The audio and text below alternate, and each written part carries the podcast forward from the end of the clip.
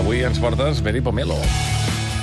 Sí, senyor. Avui porto Beri Pomelo perquè és una d'aquestes bandes que a mi sempre m'ha semblat molt interessants. Un grup que fa quatre dies, com aquell qui diu, mm, grinyolaven, eh? Quan els senties tocar, grinyolaven, perquè no han estat mai uns virtuosos dels seus instruments, exceptuant el seu cantant i guitarrista, el Xerim. Xerim és un home, a més a més, sol·licitat per, per tothom. Ja sabeu que va ser el guitarrista oficial que va estar acompanyant el Sopa de Cabra en els tres concerts que van fer al Palau Sant Jordi. I a partir d'aquí, doncs, un home que ha estat doncs, fent moltes coses amb altra gent, amb la Sant Maika Josex. Makowski, amb Sant Josex, amb, amb molta gent.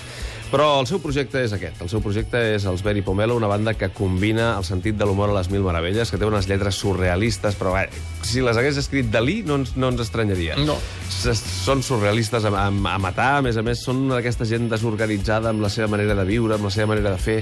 Em sembla una mica la naturalitat posada al damunt de la taula i això també va molt bé realment en una època en la que sembla que tot està controlat, que ens controlen, eh? Els que ens vigilen, els homes de negre, que ens rescaten, doncs, doncs una mica de llibertat creativa també jo crec que va bé, i els Very Pomelo són un gran exemple justament de tot això. Acaben de publicar un nou àlbum, es diu Radio, Radio Claxto, Clac, eh, ja ho diré bé ja. Radio Clotxa. Clotxa, Clotxa, això, això, sí. veus, clax- claxon no, eh? Ara m'he confós. Ràdio Clotxa, exactament. I, I tornen amb el mateix de sempre, eh? amb aquest sentit de l'humor i amb aquesta llibertat creativa que els caracteritza. Aquí estan parlant dels conills. Sí, senyor. Adéu. Adéu no les segones amb i tan sols uns llençols